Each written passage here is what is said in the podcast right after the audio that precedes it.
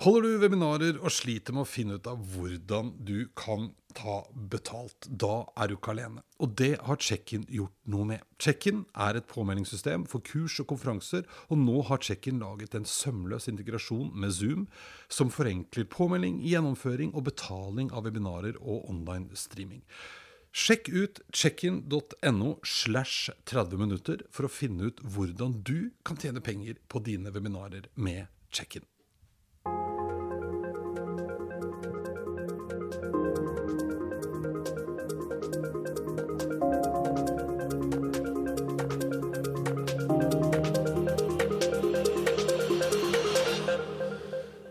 Dag har jeg besøk av en som har startet flere bedrifter. Han heter Sander Andersen og er 24 år gammel, og har tidligere vært toppidrettsutøver, hvor han bl.a. har blitt nordisk mester i svømming.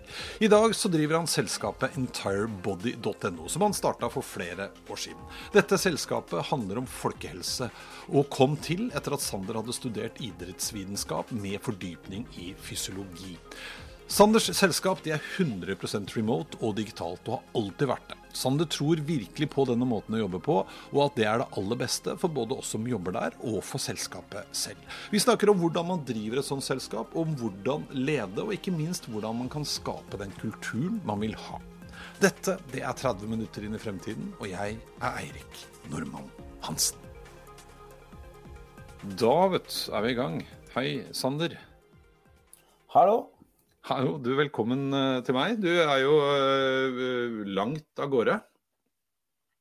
Jo, takk for at jeg får komme, først og fremst. ja, for sitter, nå sitter du på, i, i Rauland, var det ikke det? Jo. På i? Sier man på eller i? På? I Rauland, kanskje. Ja, i. I? I, nei, i. Ja, for jeg har lært en gang sånn i en dal og på et fjell og sånn. Det er kalt det like lett å vite. Du er på fjellet i hvert fall. Yes. Ja, det er deilig. Det er deilig. Det er ganske kult at det går an. Uh...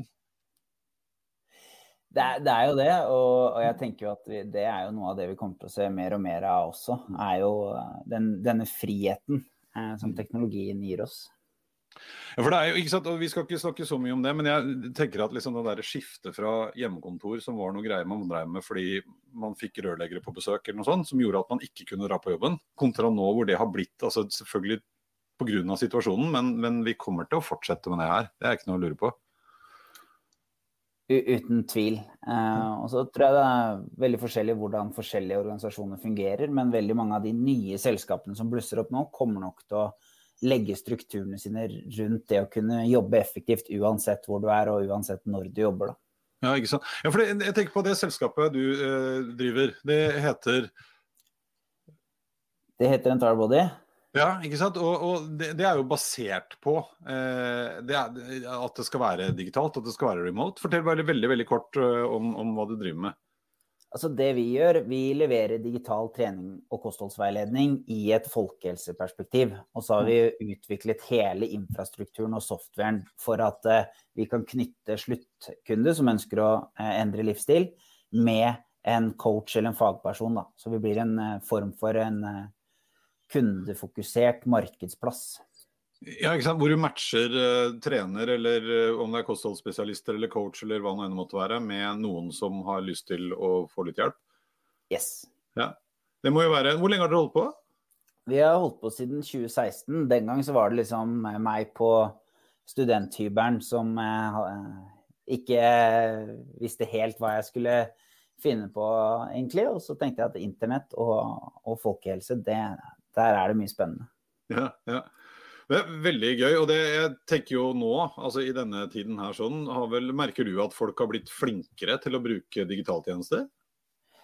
Ja, eh, vi ser jo det at det er en tendens til at eh, de særlig litt eldre nå har en mer aksept for eh, dette med å få særlig veiledning. Da. Vi er jo vant til å kjøpe produkter hmm. på nett. Er liksom, netthandel er liksom begynt å bli litt integrert, i hvert fall. Mm. Men tjenester har liksom legget et stykke bak. Da. Vi har veldig, vært veldig opptatt av at eh, magien skjer i møte med mennesket osv. Så, eh, så ser man vel nå at digitale løsninger kan fylle mange av de behovene, og ikke minst i mye større tidsrom. da. Si at du mm. ikke, når du ikke må møte på et tid og sted, så har du også mye mulighet til å følge opp i mye bredere perspektiv. Da. Sånn som vi tar mm. jo Istedenfor en PT som er der i 45 minutter, så er du egentlig tilgjengelig en coach i lomma mer eller mindre 24-7. da. Mm. Men har dere bare, bare digital uh, treff? Det er ikke sånn kombinasjon? Dette er 100% digitalt. Du får en digital veileder som strukturerer og hjelper deg til å ta sunne og enkle valg. Uh, og vi lever jo veldig for at man skal ta ett skritt av gangen og gå ett skritt i riktig retning. Og det kan vi liksom hjelpe deg med å pushe deg i riktig retning litt på daglig eller uh, ukentlig basis. da. Ja. ja, for da, jeg kjenner jo det at Nå er det jo litt sånn digg på en måte når man ikke kan gå på treninga. Så er det unnskyldningen. Nå har jeg med eh, overalt, og om det er kostholdsveiledning eller treningsveiledning, eller hvordan det måtte være. Men, men, jeg kjenner at her er det vel en ikke helt ubetydelig del av eh, som du sier, litt sånn pushing og gamification. og Det er jo noe med den der nydelige fleksibiliteten da, som dette faktisk byr på. Ja, så er det dette med å ha et asynkront samarbeid som gjør at du kan gi fra deg et stykke arbeid som blir behandlet når du ikke passer deg, og så får du det tilbake i det formatet du ønsker når det passer deg. ikke sant? Altså, jeg tror jo veldig på dette med asynkrone prosesser. Jeg tror, ikke, jeg tror vi har overvurdert eh, eh, dette med at man alltid må ha én-til-én-interaksjon. Eh, men at i stor grad veldig mange prosesser kan skje asynkront. da. Mm, mm. Det tenker jeg er litt spennende nå som vi snakka om helt å begynne med. Når vi plutselig skal være veldig mye mer fleksible i forhold til når og hvor vi jobber, eh, så må jo alt annet også tilpasses det, eller ikke tilpasses det, fordi teknologien tillater at det bør ikke tilpasses, så vi kan få det til å funke likevel. Ja, men, eh, men, eh, du forteller litt. altså nå, Du er 24 år, det er jo fantastisk. og Dette er jo ikke det første bedriften du driver med, men, eh, men nå eh, er du i gang. Du har holdt på ganske lenge. Hva, hva, tenker du er viktig når man skal starte bedrift i dag? Jeg er jo veldig fan av mennesker eh, og kultur. Eh, og det å lage et miljø der det virkelig er gøy å jobbe. Jeg er jo litt sånn veldig motstander Eller jeg vil ikke si motstander, da kan folk bli fort litt sure. Men jeg prøver veldig å utfordre dette med work-life balance. Jeg veit ikke om jeg egentlig tror på konseptet. Um, og, og, grunnen til det er rett og slett at jeg tror at uh, hvis man skal få et fullverdig liv, da, så burde man integrere jobben som en del av seg selv og sin personlighet. Sånn at man i stor grad ikke trenger å skille mellom så mye. Det burde være fleksibelt. Det skal ikke være sånn nei, jeg er på jobb så jeg kan ikke levere i barnehagen. Eh, for meg så er det helt meningsløst med, med den type teknologiutvikling og, og, det vi ser i dagens samfunn. da. Mm, mm. Ja, for, for, det er jo en av de tingene som jeg hører av de, alle de jeg snakker med som egentlig syns at den nye hverdagen med fleksibilitet og mye hjemmekontor er en god ting og som de ofte trekker frem, er jo nettopp de der dagligdagse hendelsene. Det at jeg kan flekse litt, så nå slipper jeg å mase til jobben for å ha det statusmøtet om morgenen. Nå kan jeg følge barna mine til barnehagen, og så tar jeg det første statusmøtet på eh, Teams. Og så drar jeg kanskje inn på kontoret etterpå hvis det er lov, og møter noen der. Så, eh, så nettopp det å utnytte dette for å skape en helt annen form for balanse i livet, da. Mm. Og det blir en helt annen dynamikk. ikke sant? Det skal være sånn at du skal i stor grad på en måte bli verdsatt for den jobben du gjør, ikke hvor mange timer du har møtt opp på, på dette firkanta kontoret med, med, disse rammene vi på en måte egentlig bare har laget oss selv oppe veldig mange år. da. Mm, mm. Så, ja, for det, det er, ja, for det er en gammeldags uh, ting, er det ikke det? Jo, jeg, jeg, jeg, jeg syns jo det. Uh, men nå har jeg i stort sett jobbet sånn hele livet, så jeg er litt sånn uh, biased. da. Ja, men, men, og det syns jeg er litt interessant. fordi du, du, sier at Men allikevel så er du veldig opptatt av mennesker og bygge kultur. Uh, mm. Og det er jo en av de første tingene som folk trekker fram nå. ikke sant? At da kan vi ikke møtes, da er det vanskelig å bygge kultur. Er det det? Det er jo selvfølgelig veldig er, Hvis man skal være litt direkte her, så har jo det litt med alder å gjøre også. Eh, det er jo klart hva man er vant til. Eh, unge mennesker har jo i mye større grad akseptert at det å ha et digitalt nettverk og et digitalt sosialt eh, liv er akseptert. Og vi er ikke så opptatt av å liksom si at nei, jeg er ikke sosial hvis jeg snakker med noen på internett. Altså, altså dynamikken har nok endret seg veldig i, i, de generasjonene som vokser opp nå. Og, men, men, jeg tror i remote da, så er det ikke sånn at man bare skal sitte med hettegenseren på headsettet og ikke ha noe sosial omgang. Men da har du muligheten til å bruke budsjettene dine på reiser eller skape arrangementer der du faktisk kan rendyrke kultur. Mm. For det er jo Altså ja, man kan si det at man har noen gode kaffesamtaler, og, men det er ikke der minnene skaper i mitt liv, da.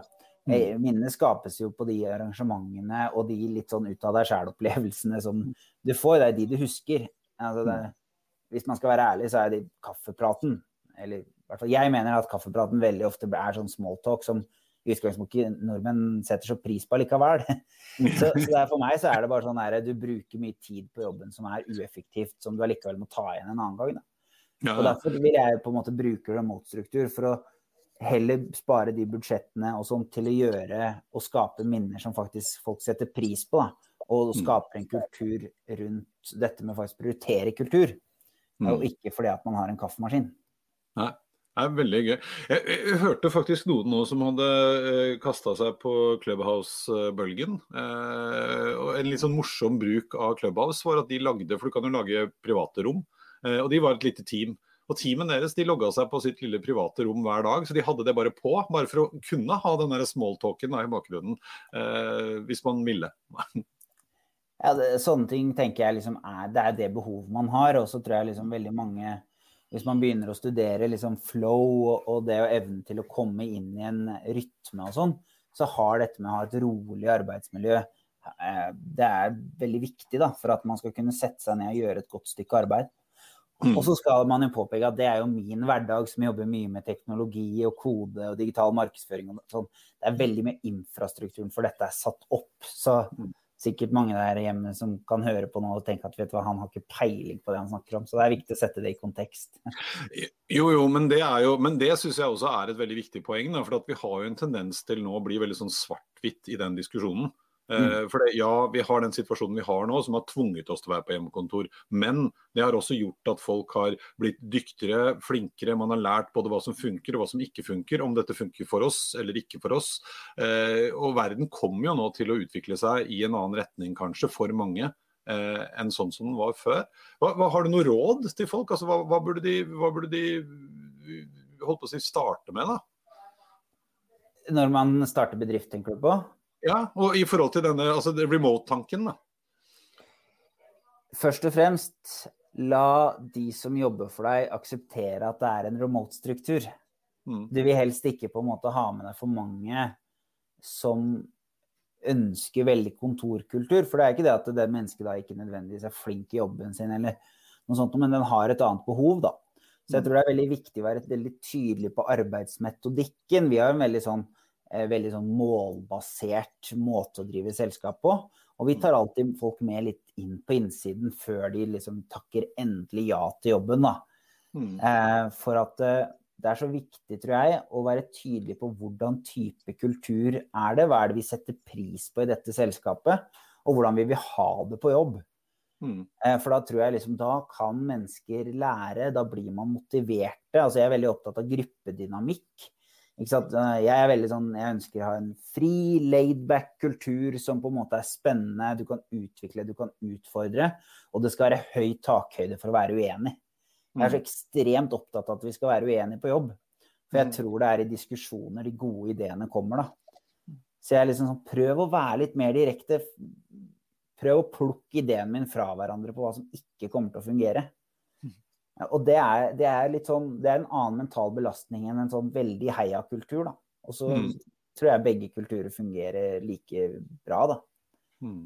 Men jeg tror driveren til de selskapene som lykkes over lang tid, er de selskapene som jobber og har det gøy på jobb, og har en høy grad av selvrealisering i jobben. Mm. Det vil si at man må ha Hos oss er det veldig viktig for meg at de har eierskap og frihet men med frihet så følger ansvar. Så er, liksom, er du den typen som ønsker en liste med, med, arbeidsoppgaver, så passer du ikke så godt hos oss, da. Mm. Fordi jeg ønsker at du skal være en del av din jobb. Eh, og så skal dette skje asynkront i respekt med andre mennesker, og være åpen for at man har også mulighet til at det jeg tror på, kjempesterkt, det, det er feil. Og så kommer det jo da Neste steg er jo denne datadrevne kulturen, ikke sant. Mm. Vi, skal, vi prøver å gjette minst mulig, og så prøver vi heller å tolke dataen bedre og bedre og stole mer og mer på dataen. Eh, også i beslutningsprosesser som veldig mange er eh, skeptiske til. Da. Ja. Da, nå, nå snakker du om når dere nå jobber med å utvikle hele tiden utvikle den tjenesten dere har. ikke sant? At man ikke bare kommer opp med en eller annen gøy idé fordi at jeg syns at det hadde vært artig, men at man faktisk gjør ting basert på den dataen dere har tilgang til? Ja, altså det, det gjelder egentlig alt. da, Når vi spør hva har X behov for, mm. så skal det være et godt grunnlag for hvorfor vi mener at denne personen, spesifikke personen eller kundegruppen eller segmentet, den trenger akkurat dette. Eh, og så prøver vi å liksom distansere oss selv, da, for vi skjønner jo at det, folk som elsker å trene, er jo ikke de vi prøver å Hvis vi jobber med folkehelse, så er det ikke sånn at flesteparten av de i verden liker å trene. Vi må skjønne konseptet bak evnen til å drive motivasjon. Mm. Mm. Så, Men, så, det er liksom tilbake til dette med, med rekruttering. er liksom Bygg den kulturen du vil ha, for da blir reisen også jækla gøy. Mm. Men, men, eh, hvor mange folk har du nå? Hvor mange er dere? Nå er vi jo ni eh, ansatte, da, så vi tilknyttet oss 50 coacher. Så vi er, eh, og er i tiende ansettelse nå. Så vi, så vi er eh, ja, ti på en måte fulltidsansatt som jobber i core produktutvikling og og selve teamet. Og så har vi 50 fantastiske coacher i, i, tre forskjellige land som hjelper oss med å serve den tjenesten vi mener at uh, kunden fortjener. Da. Ja. Og da er tett samarbeid med coachene. For det er lett å tenke at dere liksom, som du sa, dere har lagd en plattform, og så er det det man driver med. Men det høres ut som coachene her nesten er en del av teamet? De er en del av teamet. Vi sier det at vi er en demand-sided marketplace. Så det vil si at vi mm. jobber sammen med kunden. Nei, sammen med coachene for mm. å serve det beste produktet for kunden. Vi er mm. for kunde, altså vi er super kundefokusert, men vi vet at hvis ikke vi har tett samarbeid med coachene og hjelper dem å ha de riktige verktøyene og riktig mental innstilling, så lykkes ikke vi med den felles visjonen vi har, og det er jo å få mennesker til å leve sunnere eh, og et bedre liv, ikke sant. Mm. Og så tror vi liksom gå et skritt av gangen, ikke ta den der supre slankekuren som, som VG eller andre på en måte veit gir masse klikk. Men vi vet det, og litt, det har litt med hvilken bakgrunn vi har også fra idretten, at vi, vi vet at de beste idrettsutøverne de tar ett skritt av gangen. Mm. Og da er det ikke sånn at hvis man skal fikse sin egen helse, så kan man begynne å fly på dag én. ikke sant? Du må i hvert fall bygge flyet først, da. Ja. Bra start. Bra start. Ja. Men, men, hvordan ser du for deg liksom at verden utvikler seg videre fremover nå? Eh, med liksom erfaringen du har, både i forhold til markedet og tjenestene dere selger, men også hvordan man jobber? Ja, altså jeg tror jo eh, verden kommer til i mye større grad åpne opp for remote eh, og, og, frihetsbasert jobbing. altså mm det, det, vi kaller asynkront. Altså du kan levere fra deg et arbeid som, som, blir tatt opp av noen andre som fortsetter å jobbe på det. Og det kan egentlig da gå rundt hele verden, og så får du tilbake levert i et bedre format i dagen etterpå. Så jeg, så jeg tror mm. veldig på at uh, remote, og jeg tror jo også at det der kommer det til å skje mye innovasjon, så jeg tror kanskje vi plutselig står i samme rom allikevel, ja, eh, med et uh, mm. eh, VR-headset kanskje. Mm. Um, eller AR, eller hva enn uh, vi måtte finne på. Mm. Og så tror jeg jo, som veldig relatert til vår bransje, handler om desentralisering av helsesystem. I dag så fungerer jo veldig mye liksom på et sykehus eller på et pleie, men Jeg tror IoT-devicer og, og, maskinlæring og prediksjonsalgoritmer vil i mye større grad gjøre at vi kan gjøre forebyggende eh, tiltak hjemme. Om det handler om at på en måte kvinner har en device som på en måte skanner for brystkreft eller eh, relaterte kreftformer mm, gjennom på en måte en app som påminner deg hvert kvartal eller noe sånt noe.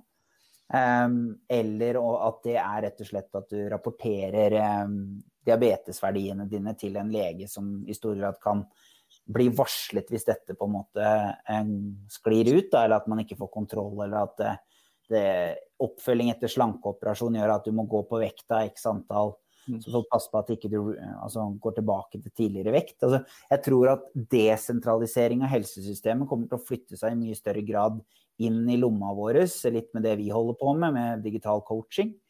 Eh, og til og med ned i liksom disse daglige eh, tingene vi bruker som vekt. Og, og speilet begynner kanskje å tolke noe i forhold til hudkreft. ikke sant? Altså, det at vi får et helt annet varslingssystem. da. Mm, mm. Um, så at man flytter mye av den helsebelastningen eh, ut av sykehusene. Og ikke minst i mye større grad fokus på, på dette med å, å gjøre ting sjøl hjemme. Da, og heller varsle legen, så legen kommer på behov, og ikke pga. at man er redd eller føler noe. Ja, at man føler at man må, da. Ja. Vi vet jo det at leger som blir utrolig lite brukt av de som kanskje burde brukt det. da. Og de som mm. bruker det, de bruker det kanskje for mye. Mm. men, men, for dette handler jo på en måte også litt om en slags sånn digital modenhet hos folk. Enten vi snakker om jobb eller nå helse. da. Mm. Eh, hvor langt har vi liksom kommet, tror du, om et par-tre år? Jeg tror jo nå at akselerasjonen med eh, og altså API-linker da, altså mot IoT-devicer, jeg tror i mye større grad at veldig mye innovasjon kommer ikke til å Nå er jo all dataen Vi har ekstremt mye data. Mm. Altså Nå handler det i stor grad om å tolke det og gjøre det brukbart for en eller annen person.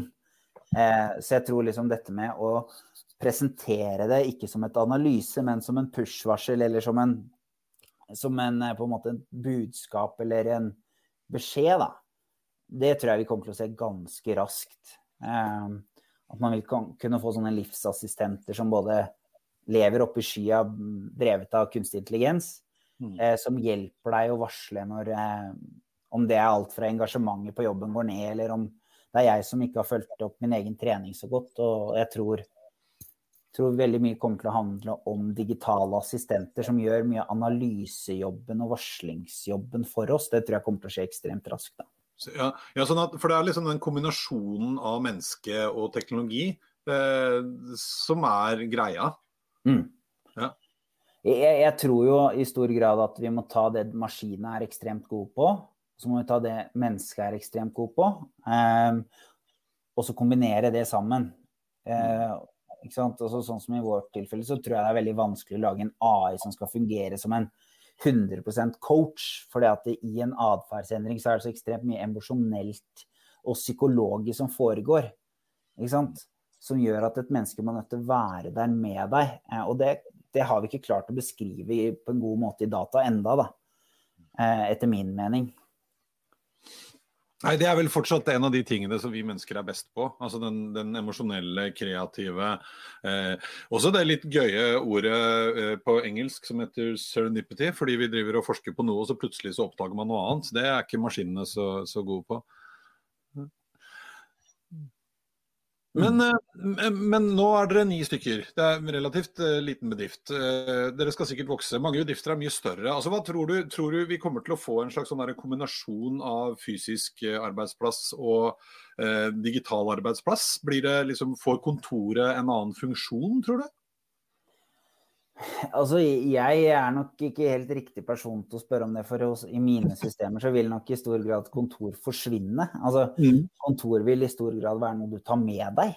Mm. Altså, det, det, vi på en måte må sikre, er jo hvordan vi kan logge på, sitte behagelig, være konsentrert. ikke sant? Altså, nå sitter vi jo kanskje litt for mye på kjøkkenbord og Men det er jo sånne løsninger. altså de som tror at det, det, er kontorpulten som skaper begrensning for remote, de tror jeg liksom de bommer skikkelig.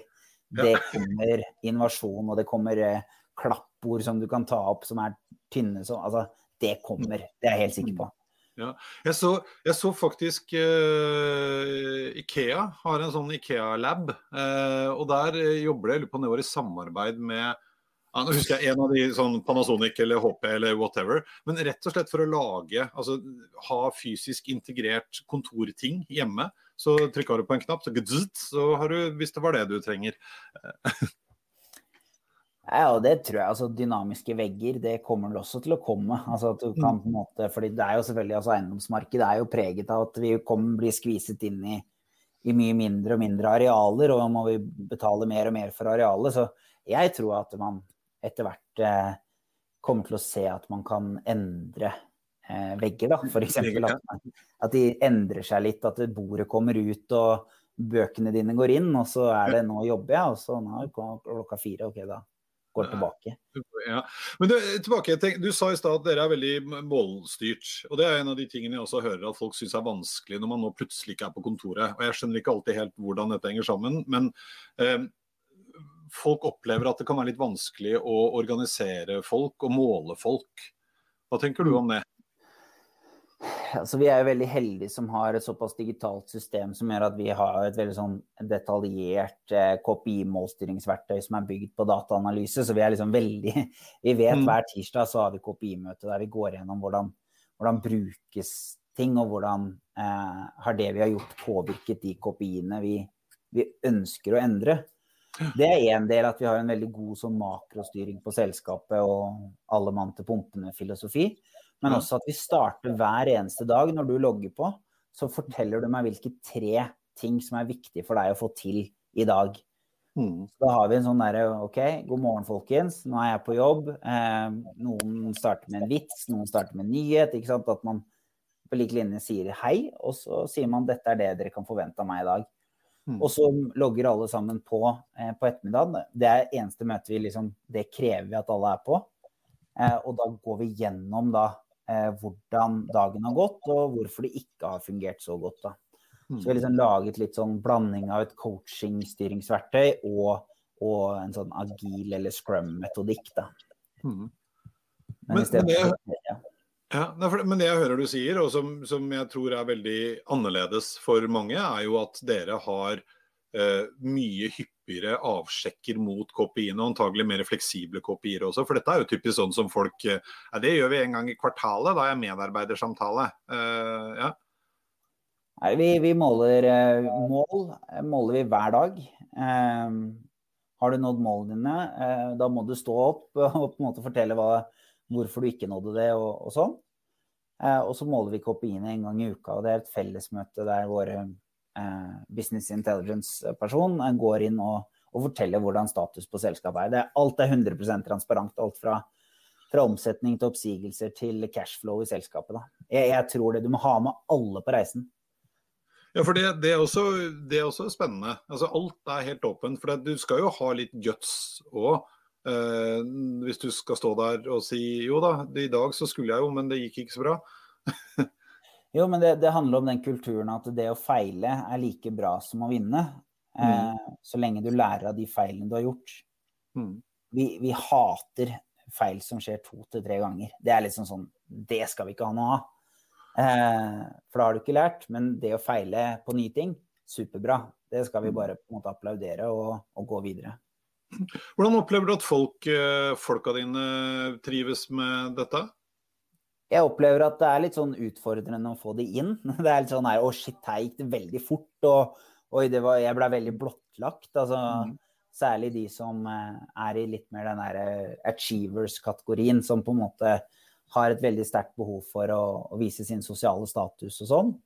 Eh, som man kanskje ser imot mot salg og, og ledelse og sånn. Er, er vanskeligere, da. Eh, så, så, det tar litt tid før de liksom Å, fy fader jeg har brukt hele livet mitt på å ikke vise feilene mine, og her er det noen som sier at her må du bare Her må du vise alt. Ja, første uka. Oi! Ja. Men, men, jeg likte jo litt det du sa også helt innledningsvis, at eh, når dere rekrutterer folk, så er det også en veldig åpenhet rundt hvordan dere jobber, og du får veldig fort et innblikk i hva du begir deg ut på, da. Ja. Ja. Det er jo Forventningsstyring er jo utrolig viktig, uansett hva man holder på med. Må, er det dette du har signa opp for, eller er det ikke? Altså, vi også er veldig tydelige på at vi er jo kalt et venture-backed startup som løper med en, en cash, negativ cashflow. Eh, og det kommer vi nok til å gjøre i mange år. Så det er jo den mm. reisen ønsker du på en måte å jobbe i et miljø med, høyt, med høy fart og, og, store, og, store, utfordringer hele tiden. Eller mm. ønsker du på en måte mer ro? Ja. Så i en startup som jeg du må, være så, du må være transparent, alle må vite hvor mange måneder det er igjen. Ja, så er det ja. du som CEO som må stå der da, og si vet du hva, fader, nå får jeg ikke tak i de pengene. Nå kan det hende jeg må permittere. Men da ser man kanskje at uh, folk skjerper seg, da. Mm. Fordi at de syns det er så gøy å jobbe der. Det betyr noe mer enn bare de uh, pengene som kommer uh, en gang i måneden. En gang i måneden, ja. ja. ja men veldig veldig kult. Nå har vi snakka om altså, mer fleksibilitet, jobbe asynkront, hva det krever. Veldig åpen kultur, hyppig oppfølging eh, egentlig hver eneste dag. Eh, mm. Hører jeg du sier. Eh, og det er litt sånn Folk kan egentlig, hvis jeg forstår deg rett, jobbe når de vil og hvor de vil, bare de er med på det morgenmøtet og det ettermiddagsmøtet. Ja, det morgenmøtet er bare skriftlig. Du bare sier hei, jeg har logget på. Noen liker å sove lenger, noen er tidlig oppe. Så det er bare et sånn Hei, nå er jeg i gang. Uh, dette er det jeg skal gjøre i dag. Ja, fett. Du, nå er tida flyr jo fort. Vi kunne sikkert ha snakket uh, masse, masse mer, men vi må begynne å runde av. Uh, hva tenker Sander om 2030? Hvordan ser verden ut da, tror du? Jeg tror jo først og fremst at vi får langt flere remote-jobber. Som igjen da blir en driver at man kan drive på tvers av landegrenser. At det er liksom ikke så farlig om du kan rekruttere i Norge eller Sverige eller eh, Dubai. Mm. Eh, så lenge du får tak i riktig kompetanse eh, og riktige mennesker til ditt selskap. Og så tror jeg i stor grad at vi får en mye større grad av det å eie internett. Altså det er en ting jeg har sett mye på i det siste, er liksom disse mm. NFT-ene som er sånn Det med digital eierskap tror jeg kommer i mye større grad. Um, mm. Og så tror jeg jo digitaliseringen åpner opp for mer fokus til bestemann til jobben fremfor lukkede systemer, fordi at du blir så blottlagt for den kompetansen du innehar. da. Mm, det, blir mm. fort, liksom, det er mindre intern rekruttering og egne hierarkier. Det er som sagt riktig mann til jobben. da. Ja. Eller riktig person til jobben. Ja, ja. I fare for at noen arresterer meg. Ja, ja, Nei, sånn er det nå. Eh, men det er bra, det. det er bra. Du, Sander. Tusen hjertelig takk for besøket. Jeg gleder meg. Jeg håper vi kan eh, ses igjen i 2030. Så skal vi se om vi da Da er ikke du på Rauland og jeg i Oslo. Da er du i Australia og jeg er på Nordpolen, kanskje. Vet ikke. Eh, ja. Men uh, veldig, veldig spennende. Og masse lykke til videre fremover. Tusen takk for det, og takk for at jeg fikk komme. Takk.